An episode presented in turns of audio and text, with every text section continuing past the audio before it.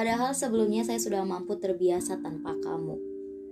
Tapi hebatnya kamu, hanya dengan waktu beberapa detik pun mampu menghancurkan ruangan yang dengan susah payah saya dirikan sendirian.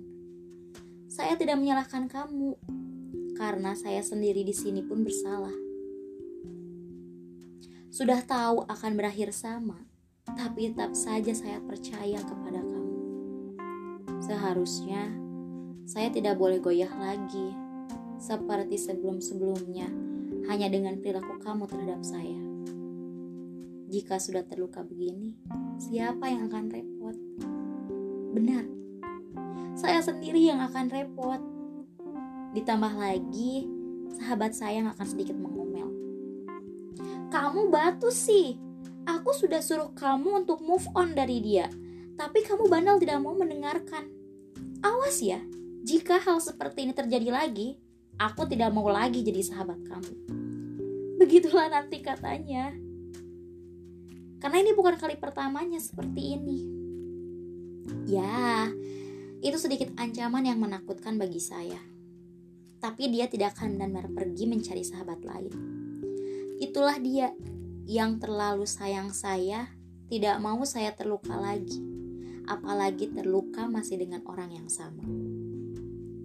Pada awalnya, saya terlalu berharap bahwa kamu adalah obat dari semua luka yang kamu beri. Saya percaya dengan kalimat seseorang bisa jadi luka sekaligus obat untuk kamu.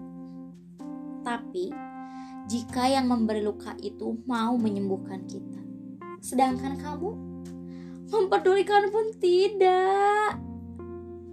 Percuma jika kita beranggapan bahwa dia mampu menjadi luka sekaligus obatnya kalau dianya sendiri enggan menyembuhkan kita.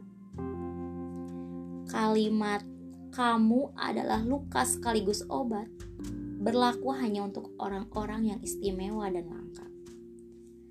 Saya salah memaknai kalimat itu pada awal.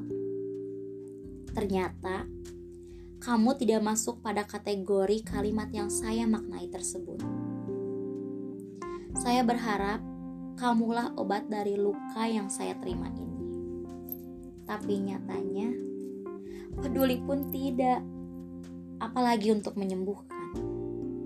Jadi pada intinya, kita tidak boleh berharap disembuhkan oleh orang yang tidak mau menyembuhkan.